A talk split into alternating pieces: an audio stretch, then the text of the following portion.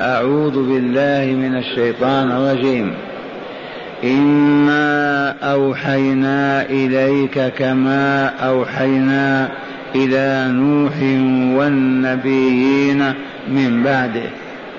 وأوحينا إلى إبراهيم وإسماعيل وإسحاق ويعقوب والأسباط وعيسى وأيوب ويونس وهارون وسليمان وآتينا داود زبورا. ورسلا قد قصصناهم عليك من قبل ورسلا لم نقصصهم عليك وكلم الله موسى تكليما. رسلا مبشرين ومنذرين لئلا يكون للناس على الله حجة. لئلا يكون للناس على الله حجة بعد الرسل وكان الله عزيزا حكيما. لكن الله يشهد بما أنزل إليك أنزله بعلمه والملائكة يشهدون وكفى بالله شهيدا.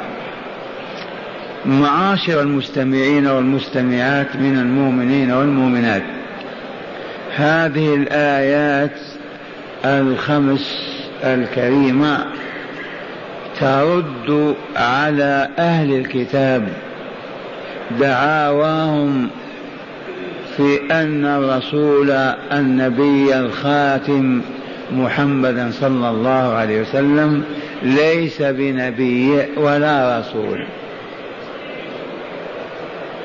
وادعوا أنه ليس هناك من يشهد له بالنبوة والرسالة. أما الأنبياء السابقون فكانوا يتواجدون في الوقت الواحد أو في البلد الواحد فيشهد هذا لهذا. وهذا الذي يدعي النبوة ليس هناك من يشهد له بأنه نبي أو رسول.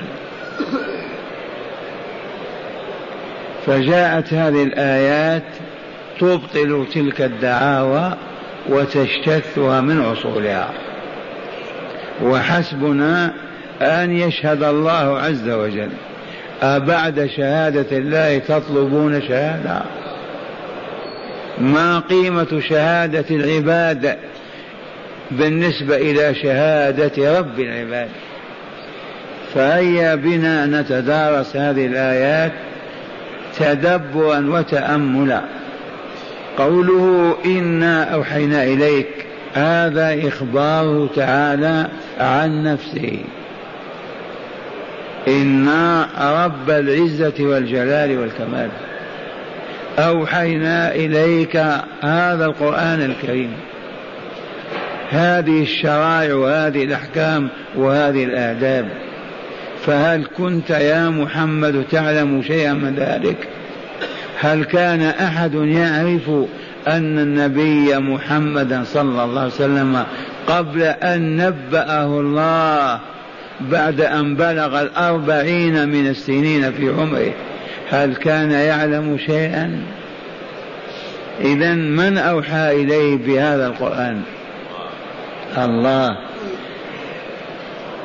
وليس هذا ببدع ولا بغريب. أوحينا إليك كما أوحينا إلى الرسل والأنبياء من قبلك. فأية غرابة في هذا الباب؟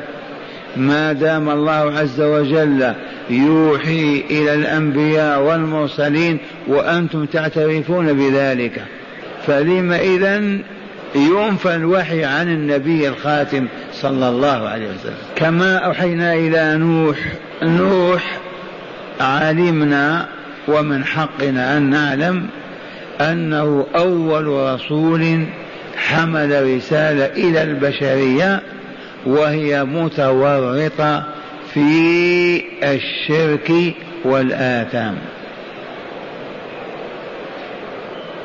وأما ما قبل أو من قبل نوح فهما إدريس عليه السلام وشيت من ولد آدم. فما كانوا في أمم أشركت بالله عز وجل غيره وعبدت سواه ففسدت وهبطت حتى ينقذها الله بنبوة ورسالة. أما نوح عليه السلام فحسبنا أنه أرسل إلى قوم يعبدون خمسة تماثيل وهذه التماثيل الخمسة هم في الواقع عباد صالحون. وهم ود وسواع ويغوث ويعوق ونسر إذ قال تعالى عنهم قولهم وقالوا لا تذرن أي لا تتركن آلهتكم ولا تذرن ودا ولا سواعا ولا يغوث ويعوق ونسرا. هؤلاء أخبرنا رسول الله صلى الله عليه وسلم أنهم كانوا عبادا صالحين. فلما ماتوا وضعوا على قبورهم تماثيل تمثلهم بحجة الرغبة في العبادة والطاعة والإقبال على الله والتوسل والاقتداء بهؤلاء الصالحين. لكن مع مرور الزمان جاء جيل ظنهم أنهم آلهة وعبدوهم. فلهذا حذرنا النبي صلى الله عليه وسلم من كل عمل من شأنه أن يتولد عنه الشرك والعياذ بالله. وأما إبراهيم عليه السلام وهو أبو الأنبياء فعامة أنبياء بني إسرائيل من ولد إبراهيم وإبراهيم وهو الأب الرحيم. عرفنا في الدرس الماضي مواقفه التي وقفها وهي أوامر كلف بها فنهض بها فاستوجب بذلك الإمامة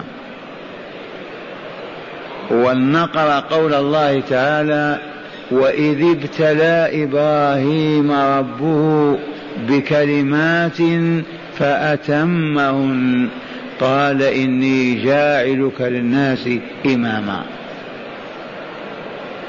ولنذكر من هذا أنه كلفه بأن يذبح ولده إسماعيل قربانا لله رب العالمين. فما تردد إبراهيم وأطاع ربه ووضع طفله إسماعيل بين يديه ليذبحه تقربا إلى ربه عز وجل. اذا وإبراهيم لا يجحد نبوته اليهود ولا النصارى. الكل يؤمن بإبراهيم نبيا ورسولا. وإسماعيل هذا ابن إبراهيم الخليل. هذا ابن هاجر التي أهداها ملك مصر إلى سارة زوج إبراهيم وابنة عمه كما تقدم.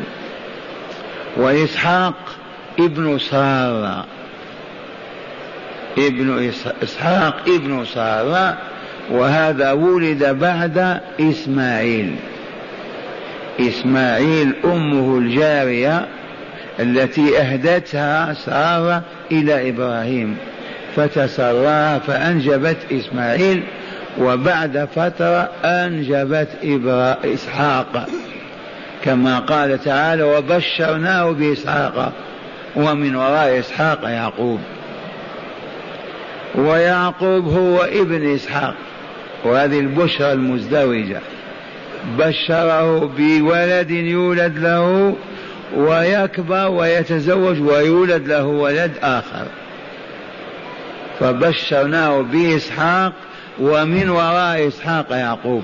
وهذا لا يقدر عليه إلا الله.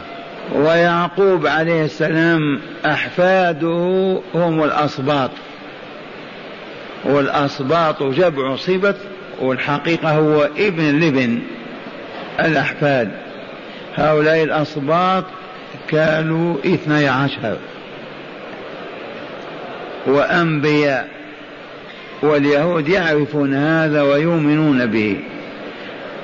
وعيسى عليه السلام ماذا تعرفون عن عيسى؟ روح الله وكلمته. عيسى عليه السلام عبد الله ورسوله. أراد الله عز وجل أن يخلق هذا المخلوق على خلاف سنته في تواجد بني آدم وتكاثرهم في الأرض. فأمر الله تعالى ملكه جبريل عليه السلام أن ينفخ في كم درع أم عيسى مريم عليه السلام. وبالفعل نفخ في في كم الدرع فسرت النفخة وهي روح فدخلت في جوف مريم عليه السلام فكانت عيسى. فما هي إلا أن هزها الطلق وألجأها إلى مكان لتلد فيه تحت نخلة في قريتهم التي كانوا فيها. فكان عيسى بكلمة التكوين أي كن فكان. والذي عليه أكثر أهل العلم أنه ما مكث في بطنها أكثر من ساعات. وتجلت حقيقة أنه عبد الله ورسوله في أنه وهو يرضع. قالت لهم أمه اسألوه فأنطقه الله فقال إني عبد الله آتاني الكتاب وجعلني نبيا وجعلني مباركا أينما كنت.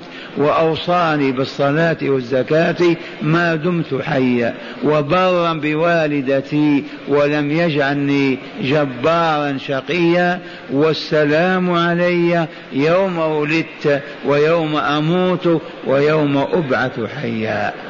قال الله تعالى ذلك عيسى بن مريم. هذا عيسى عليه السلام أنزل الله عليه الإنجيل. والإنجيل بعد التوراة. فبنو إسرائيل كانوا يعيشون على التوراة التي أوحاها الله إلى موسى الكريم منذ قرون. ولكن الإنجيل نسخ الله تعالى به بعض الأحكام التي كانت في التوراة وأقر أحكاما أخرى. وأضاف أيضا إلى ذلك أحكاما أخرى. لكن لا منافاة بين التوراة والإنجيل. فالإنجيل إنجيل عيسى عليه السلام. عيسى وقد ولد في بيت لحم وأخذ الخصوم يحاربونه وأدى بهم الحال إلى أن عزموا على قتله. وبالفعل حاصروه في بيته ورفعه الله تعالى من روزنة البيت وألقى الشبه على رئيس الشرطة الذي دخل ليخرجه. فلما تباطأ دخلوا عليه فألقوا القبض على ذاك الشرطي أو المسؤول وظنوا أنه هو عيسى. ألقى الله عليه شبه عيسى فكان يرى وكأنه هو. فأخذوه وصلبوه وقتلوه وهم مختلفون هل هو عيسى أو غير عيسى. أما عيسى فقد رفعه الله تعالى إليه بل رفعه الله إليه وكان الله عزيزا حكيما. إذا عيسى عليه السلام آمن به بعض الصلحاء والمعروفون بالحواريين. وأحداثهم في سورة المائدة وفي غيرها والشاهد عندنا في أن عيسى رفع إلى الملكوت الأعلى. والحواريون نشروا دعوته التوحيدية الإسلامية في جنوب أوروبا. وانتشرت الدعوة الإسلامية التي جاء بها عيسى عليه السلام. فكاد اليهود ومكروا فبعثوا بولس وأخذ يتقرب إلى الحاكم المسيحي واستطاع أن يفسد الديانة المسيحية كما كانت على عهد عيسى. حتى قيل لم يعبدوا النصارى ربهم عبادة حقيقية تزكي نفوسهم وتؤهلهم للجنة الا سبعين سنة. ويدل لذلك التوراة الإنجيل الآن هو خمسة أناجيل. بل عبث بالإنجيل فقسموه إلى أكثر من خمسة وثلاثين إنجيل. ثم بمرور الأيام والفضيحة اجتمعوا وحولوا الخمسة وثلاثين إلى خمسة أناجيل. إذا من مكر من مكر بالمسيحيين اليهود وهم يمكرون إلى اليوم بأي دين يظهر لأنهم يريدون أن يكونوا هم أهل الدين. والشاهد عندنا في عيسى بن مريم عليه السلام والذي أخبرنا به رسول الله صلى الله عليه وسلم أن عيسى سينزل من الملكوت الأعلى في آخر أيام هذه الحياة. وإنا منتظرون وسوف ينزل وسوف يحكم ويملأ الأرض عدلا بعد أن ملئت جوعا وظلما.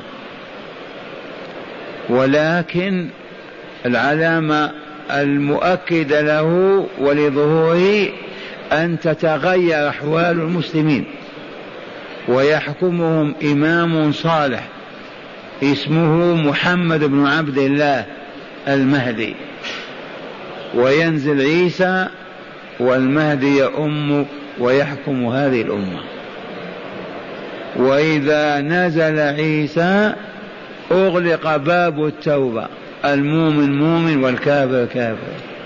البار بار الفاجر فاجر لأنها العلامة الكبرى من علامات قيام الساعة. أيوب عليه السلام ذكر تعالى قصته وأنه مرض ثمانية عشر سنة.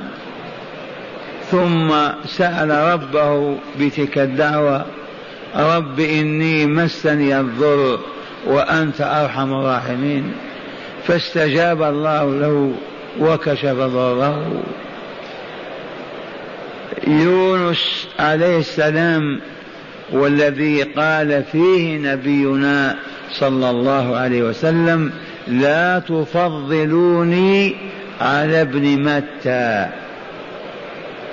لما لأن يونس باللغة السائدة إن صح التعبير فاشل في الدعوة وما استطاع مقاومة المعاندين والمشركين فما كان منه إلا أن تركهم وهرب من بلادهم.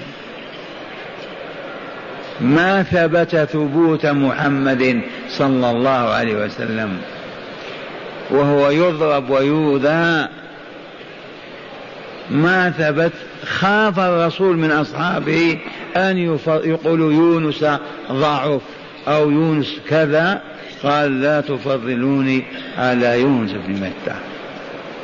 فيونس لما ترك البلاد لما مل وسئم من عنادهم وانصرافهم ومقاومته مقاومتهم لدعوته ذهب إلى شاطئ البحر فصادف سفينة تريد أن تقلع. فركب والتدبير لله عز وجل. لما أبحرت السفينة وأقلعت قال ربان السفينة إن الشحنة وإلا الحمول صعبة وثقيلة خيروا إما أن تسقطوا واحد منكم وإما أن تغرقوا كلكم. فماذا يصنعون؟ اقترعوا استهموا. الذي تخرج قرعته أو سهمه هو الذي يلقى في البحر. وبالفعل خرجت قرعة يونس. فساهم فكان من المدحضين. فما كان إلا ربطوا بحبل وأمروا في البحر. فأمر الله سمك من السمك العظيم أن تفتح فاها ليدخل يونس في بطنها. وإن يونس لمن المرسلين إذ أبق إلى الفلك المشحون فساهم فكان من المدحضين فالتقمه الحوت وهو مليم ثم أخذ يسبح سبحان ربي العظيم سبحان ربي العظيم.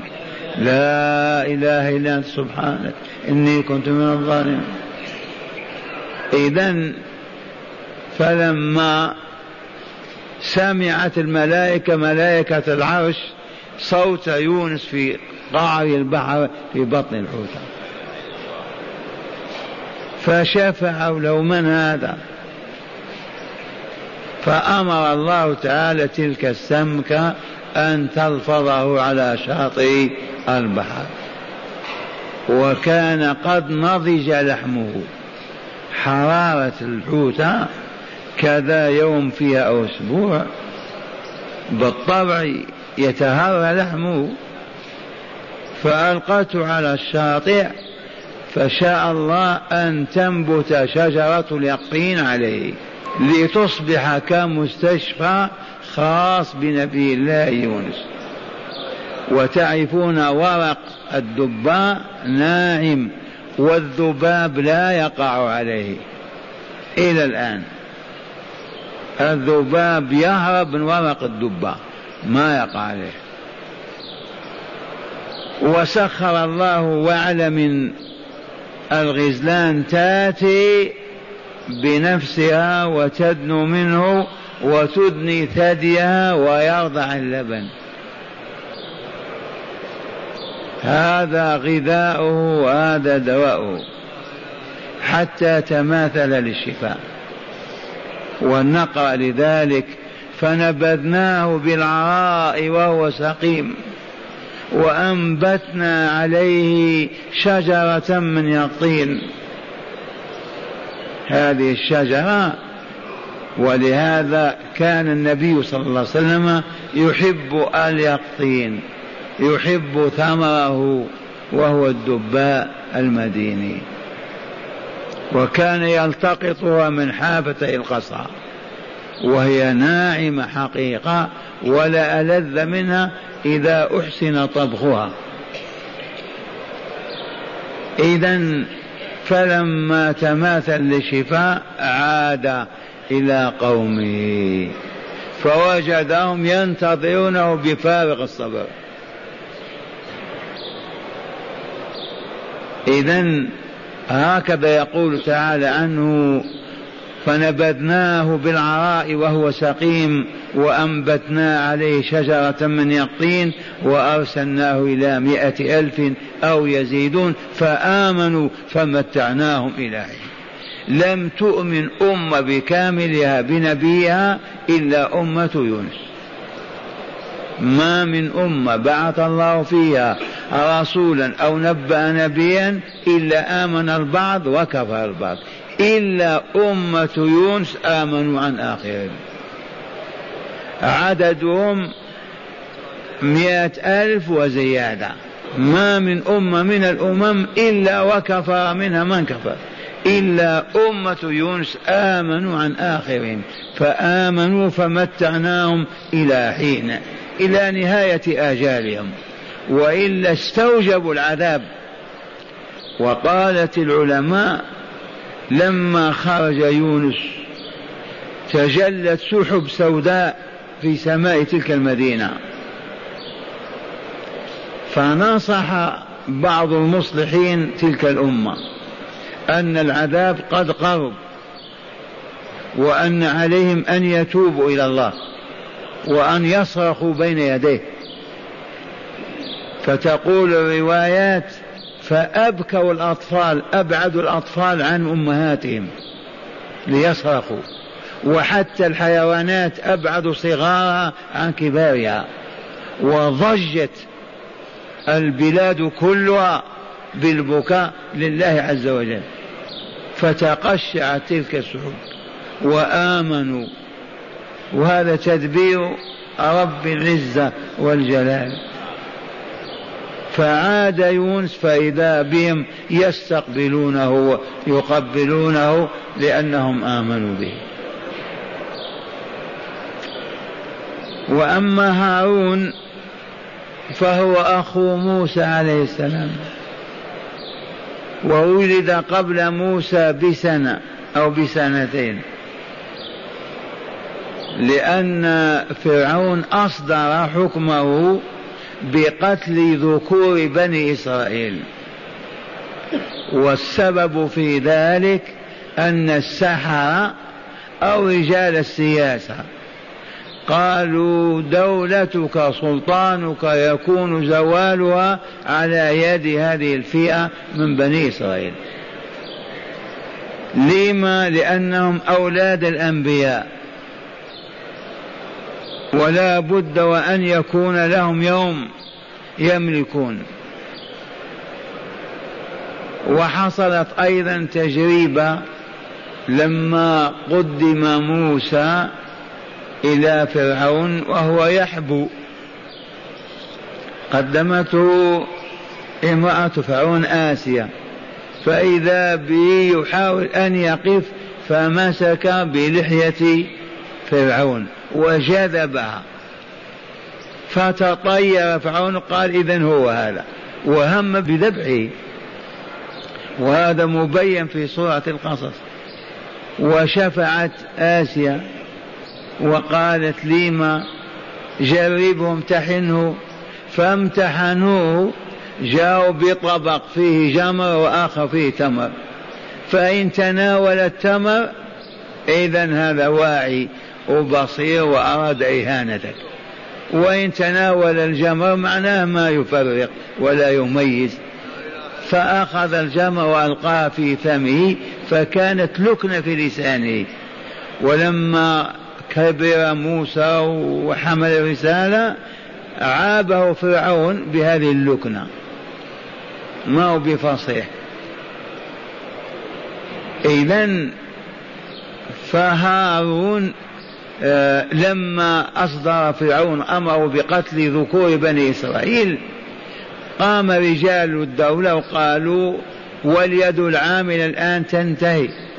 إذا قضينا على هذا. فمن الرأي أن عام نقتل وعام نعفي. فعام الإعفاء ولد هارون. عام القتل ولد موسى. كيف تصنع أم موسى؟ أوحى الله تعالى إليها بما بينه في كتابه العزيز. أن ألقيه في تابوت وألقيه في اليم إلى آخر القصة. إذا هارون هو أخو موسى وشقيقه. وموسى هو الذي سأل ربه أن ينبئه. ويرسله معه. واستجاب الله عز وجل. فدعا لأخيه بالنبوة فنبئ والرسالة فأرسل. وخالف موسى في بني إسرائيل أيام ذهب إلى المناجاة. على كل مؤيون هارون عليه السلام مات في التيه في صحراء سيناء. قبل موسى. وقال اليهود اتهموا موسى بقتل أخيه. وهذه من أخلاقهم إلى الآن. اتهموه بقتل هارون. وأما سليمان فهو ابن داود. سليمان أحد ثلاثة ملكهم الله المعمورة. ملكوا الأرض من أقصاها إلى أقصاها ذو القرنين وسليمان وكان لا. على كل سليمان ملكه كان على سطح الأرض كاملة أي البشرية الموجودة في وقته وعصره. ولكن أوتي من الكمالات ما لم يؤتها غيره منها أنه يفهم نطق الطير. وعلمنا منطق الطير. كيف إذا صاح الطير يعرف ما يقول. دي من أعظم الكرامات والمعجزات. وعلمنا منطق الطير وأوتينا من كل شيء إن هذا لهو الفضل المبين. مما يذكر عن فهمه للطير سئل مر عن قول صورة كذا وكذا ماذا يقول؟ صورة الطائر معروف إلى الآن. إذا صاح ماذا يقول؟ قال لهم يقول ليدوا للموت وابنوا للخراب. وهي كلمة حق. ليدوا أيها الوالدون من الرجال والنساء ليدوا لمن نلد للموت. لو لم نلد ماذا يأخذ الموت؟ نلد للموت وإلا لا؟ والذين يبنون العمارات والمنازل يبنونها لأجل ماذا؟ لتكون خرابا وإلا والله لا بد منها وإن بلغت عنان السماء لا بد وأن تؤول إلى خراب. موعظة عجيبة. لدوا للموت وابنوا للخراب.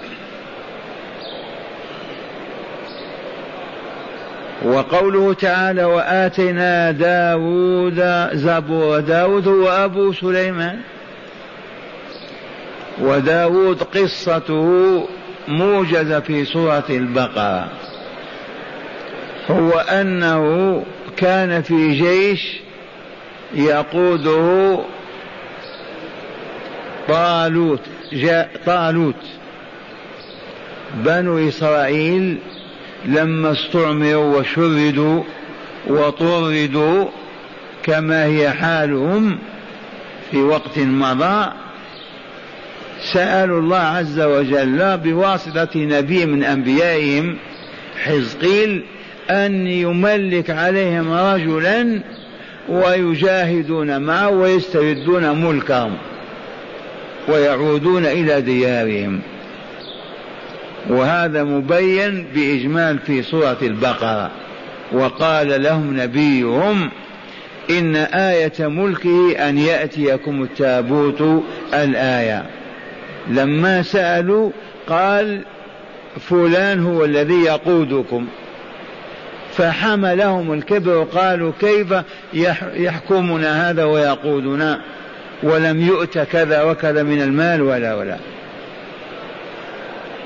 إذا فألزمهم الله بقبول ولايته وأعطاهم آية يندهشون أمامها ويسلمون. هذه الآية أن الملائكة تأتيهم بالتابوت الذي في بلاد العدو الذي احتل بلادهم في أرض بابل العراق وبالفعل جاء التابوت وفيه آثار موسى وهارون فما كان منهم إلا أن سلموا. أي سلموا بقيادة طالوت لهم. ومشى معهم ليحارب من احتل بلادهم وامتحناهم في الطريق ليرى الصابر من العاجز الجزع الذي لا يقاوم ولا يقاتل. فقال لهم سوف نمر بنهر فلا تشربوا منه. ومن ألجئ واضطر إلى الشرب فلا يزيد على غرفة يغرفها. امتحانا لهم. ما إن وصلوا إلى النار حتى أكبوا عليه. كالبهائم. ولم ينجو إلا ثلاثمائة وثلاثة عشر رجل. على عدة أهل بدر. والباقون قال أنتم لا تصلحون للقتال. فعادوا منهزمين قرابة أربعين ألف. وقاتل طالوت بثلاثمائة وثلاثة عشر وانتصر. وسبب الانتصار أن داود وكان شابا صغيرا فلما خرج جالوت يطالب بالمبارزة وكان جبارا من الجبابرة نادى طالوت من يبارز؟ من يبارز؟ ما استطاع أحد. فخرج داود وهو الذي انتصر على جالوت ومن ثم رفعه الله. أصبح والي عهد ثم توفي وأصبح الملك وأوحى إليه ونبأه وأرسله. هذا داود عليه السلام. ومما علمنا رسول الله صلى الله عليه وسلم عن داود أنه كان يأكل من عمل يده. وكان يصوم يوما ويفطر يوم. ومع هذا لا يقعد عن الجهاد. كان ينسج الدروع. وعلمناه صنعة لبوس لكم لتحصنكم أي تحفظكم من عدوكم. وهنا يروى أن لقمان الحكيم عليه السلام مر بداود وهو عند منزله يسج الدروع. للقتال ويبيعها. وقف لقمان وهم أن يسأله لماذا هذه أو ماذا تصنع بها. فأدركته الحكمة فسكت. فلما فرغ داود من نسج الدرع أخذ يقيسه على جسمه ثم قال نعم لبوس الحرب أنت. فقال أيوب فقال لقمان عليه السلام الصمت حكمة وقليل فاعله الصمت حكمة وقليل فاعله لو ما صمت سأل كان أهان نفسه وأذلها وسأل عما لا يعني ولا حاجة له به. لكن لما صبر وصمت وآثر الصمت على النطق استفاد العلم بدون ما سئل نعم لبوس الحرب أنت. إذا داود عليه السلام حكم فترة من الزمن ولما توفي ولى ولده سليمان. وهناك أيضا حادثة أشير إليها في سورة الأنبياء. ففهمناها سليمان وكلا آتنا حكما وعلما. أن سليمان كان أمام المحكمة طفل مع الأولاد. فاختصم اثنان في المحكمة وخرجا فسألهما بما حكم أبي. قالوا حكم بكذا وكذا. والقضية هي أن امرأتين نامتا في مكان ما كل واحدة عندها طفل فجاء الذيب فأخذ طفل إحداهما. فلما استيقظت المرأة وجد الطفل غير موجود ضمت إليها طفل جارتها وقالت هذا ولدي. بكت الأولى بكت وترافع وتقاضى عند الملك داود. فحكم بالطفل للكبرى. فبهتم اجتهادا. الصغيرة ممكن لا تصدق. كيف تلد الصغيرة؟ الكبرى معقول أن تكون هي أمه.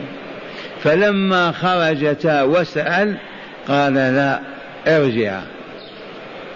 وقال لأبيه اذبح هذا الولد.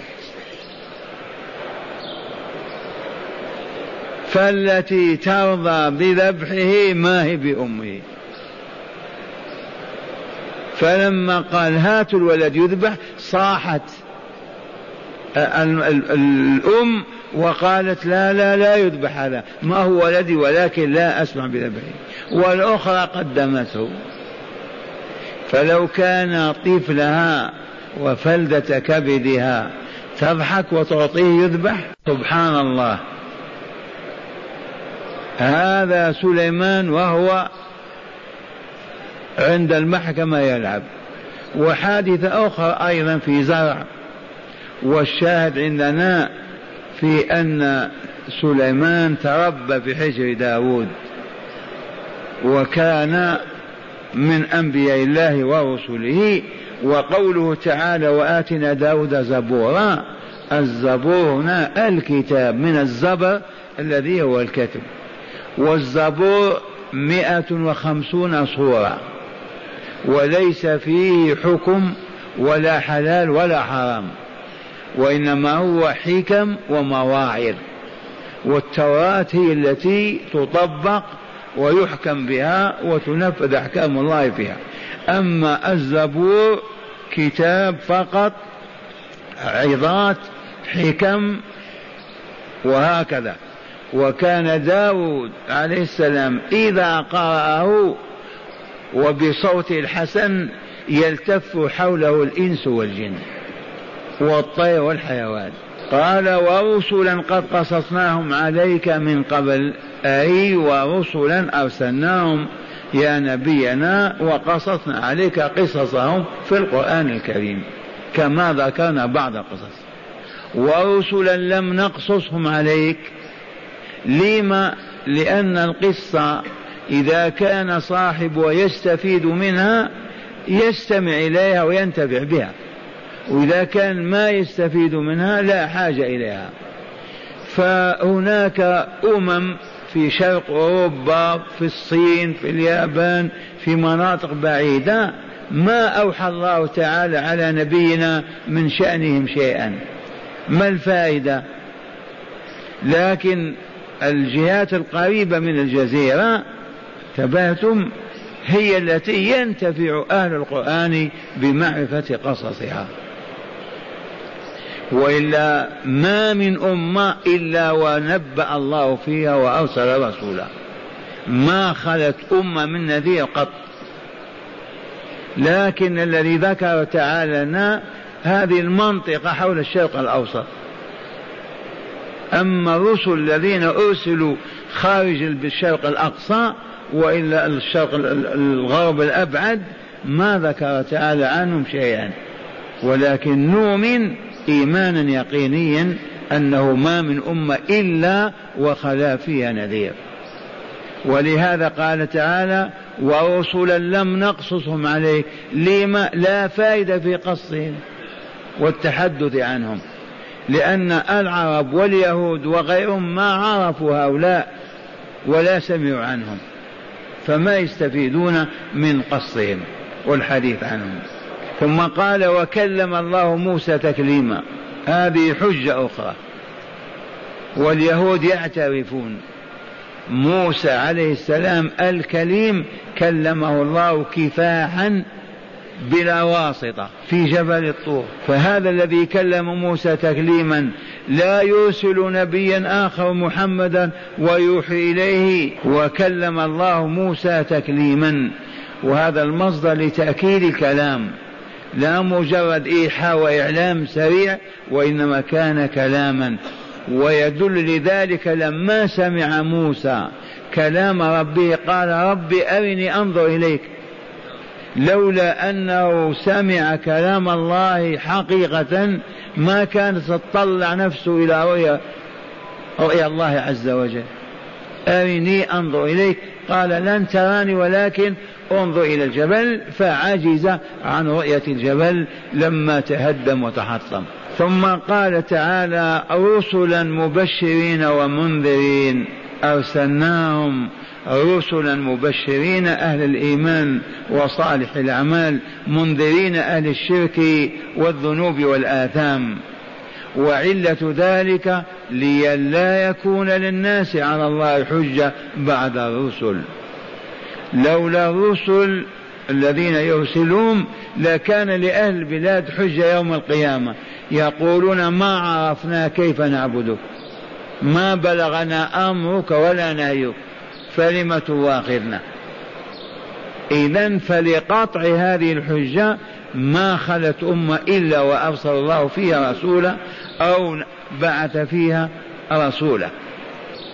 رسلا مبشرين ومنذرين لئلا يكون للناس على الله حجة بعد الرسل.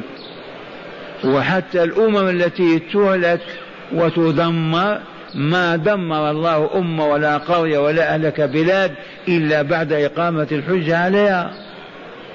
قبل أن يرسل الرسول ويدعوهم ما أهلك الله أمة لا بالجوع ولا بالمرض ولا بغير ذلك. وكان الله عزيزا حكيما غالبا قاهرا لا يمانع فيما يريد أن يفعله حكيما في كل أفعاله.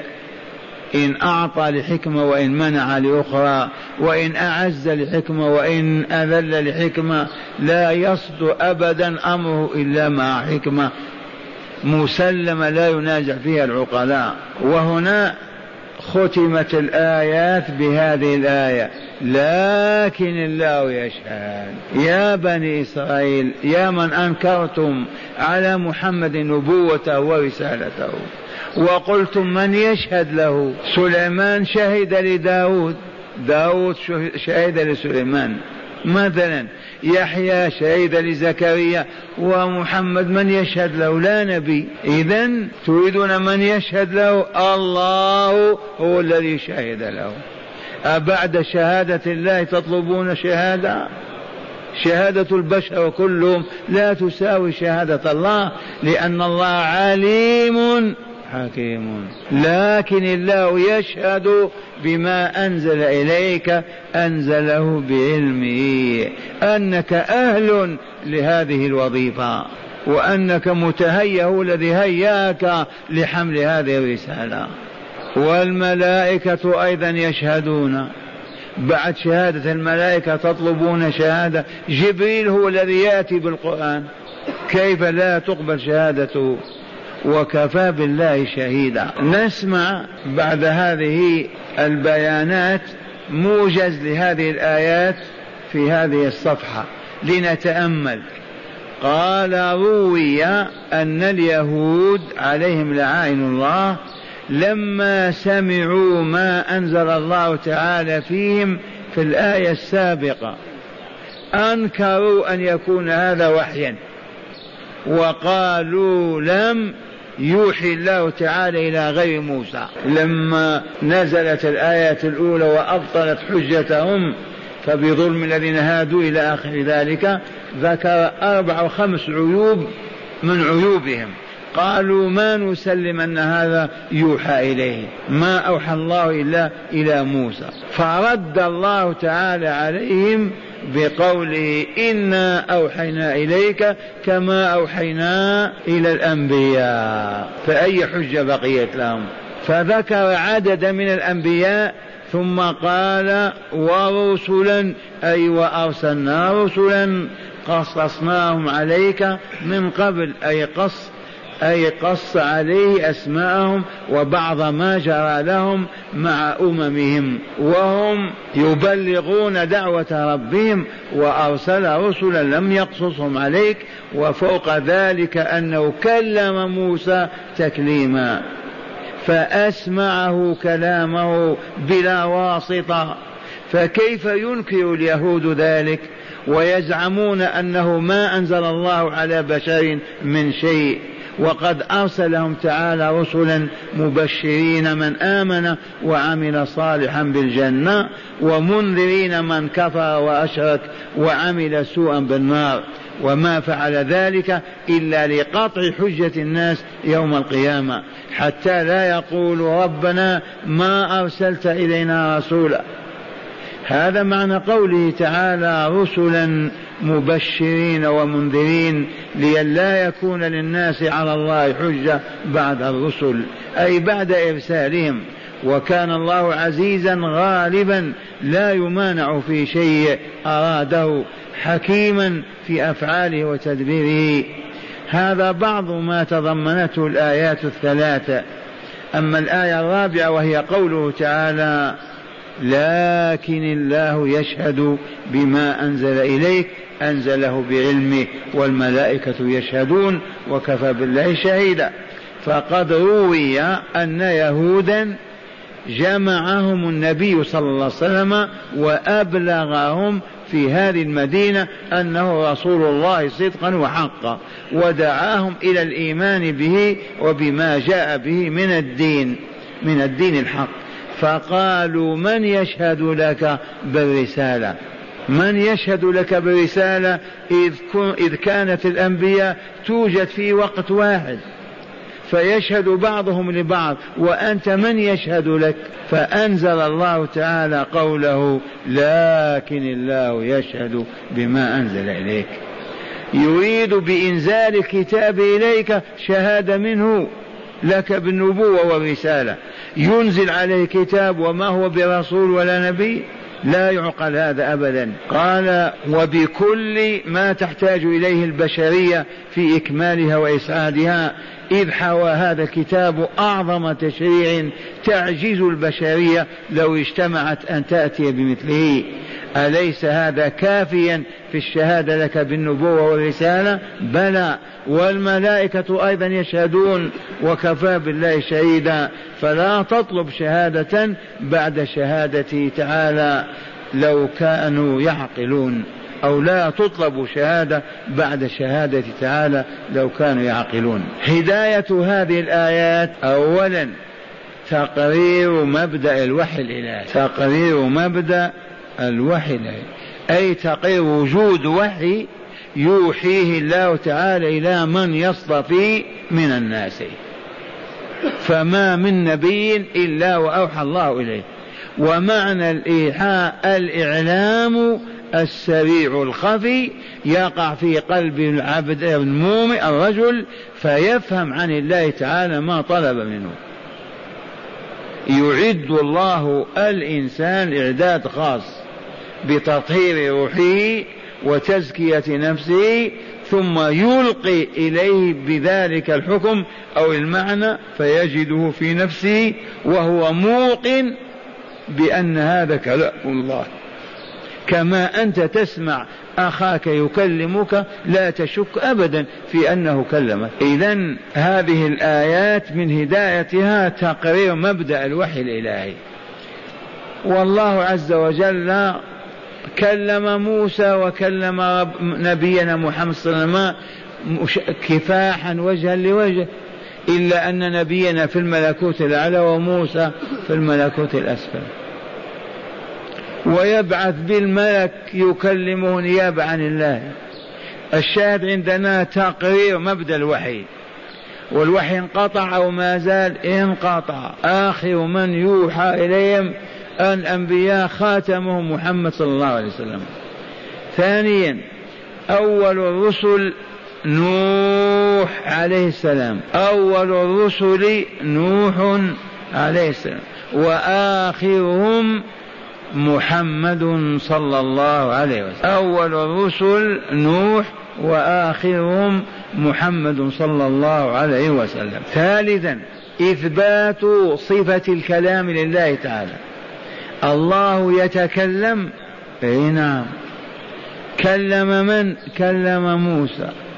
وكلم محمدا وكلم من شاء أن يكلم من أنبيائه ورسله.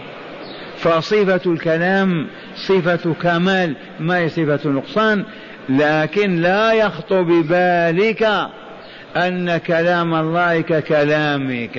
الله عز وجل سميع بصير. هل يخطر ببال عاقل أن سمع الله كسمع المخلوق؟ أو بصره مستحيل. دائما اجعلوا هذه الظلة على رؤوسكم. ليس كمثله شيء. اذكر يد الله قدم الله كلام الله في كل ما أخبر الرسول عن ربنا. ولكن لا يخطر ببالك شيء اسمه يشبه كلام الله أو ذات الله وصفات الله. ليس كمثله شيء. رابعا بيان الحكمة في إرسال الرسل وهي قطع الحجة على الناس يوم القيامة. لو سئلت لما يرسل الله الرسل لكان الجواب من أجل أن لا يحتج الناس يوم القيامة لما يأتي الحساب والجزاء يقولون ربنا ما أرسلت إلينا رسولا. لم تعذبنا؟ فإرسال الرسل من أجل قطع الحجة على البشر يوم القيامة.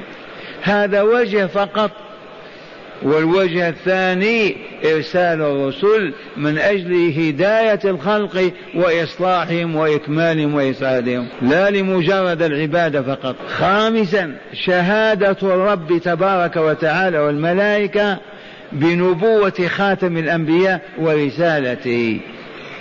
تذكرون شهادة الله لنفسه شهد الله أنه لا إله إلا هو والملائكة وأولو العلم قائما بالقسط لا إله إلا هو العزيز الحكيم. هذه شهادة الله عز وجل لنفسه وهو أعلم بنفسه وبخلقه وكائنته أنه لا إله إلا هو. لو قيل لك كيف عرفت أنه لا إله إلا الله؟ أيس جوابا تقول لأن الله شهد بذلك وملائكة شهدوا بذلك وأهل العلم شهدوا بذلك كيف لا أشهد أنا أنا أعلم منهم. مرة ثانية هذه الجملة شهد الله أنه لا إله إلا هو والملائكة وأولي العلم. أكبر حجة لك إذا سئلت كيف شهدت أن لا إله إلا الله؟ تقول أنا شهدت بشهادة الله وبشهادة ملائكته وأنبيائه ورسله لأن أهل العلم الأنبياء والرسل. فهل تقبل الشهادة بعد شهادة الله؟ خامسا شهادة الرب تبارك وتعالى والملائكة بنبوة خاتم الأنبياء ورسالته. كيف يكفر به إذا النصارى أو اليهود؟ والله يشهد له بأنه نبيه ورسوله. لكن الله يشهد.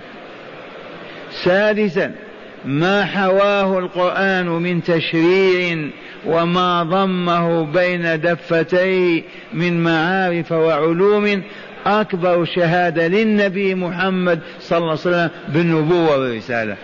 كيف القرآن الذي حوى العلوم والمعارف بكل فنونها وأصنافها وأعظمها التاريخ البشري صاحبه لا يكون رسولا؟ أنت يأتيك رجل بورقة مكتوب فيها كلمة تصدق أن هذا بعثه فلان وإلا لا؟ فكيف اذا بصاحب هذا الكتاب العظيم الجليل وتقول ما هو برسول؟ كيف يعقل هذا الكلام؟ ولكن الشهوات والأهواء والأطماع والعادات السيئة ودفع الشياطين لهم جعلهم ينكرون الحق. وليس بعجيب هذا ولا غريب.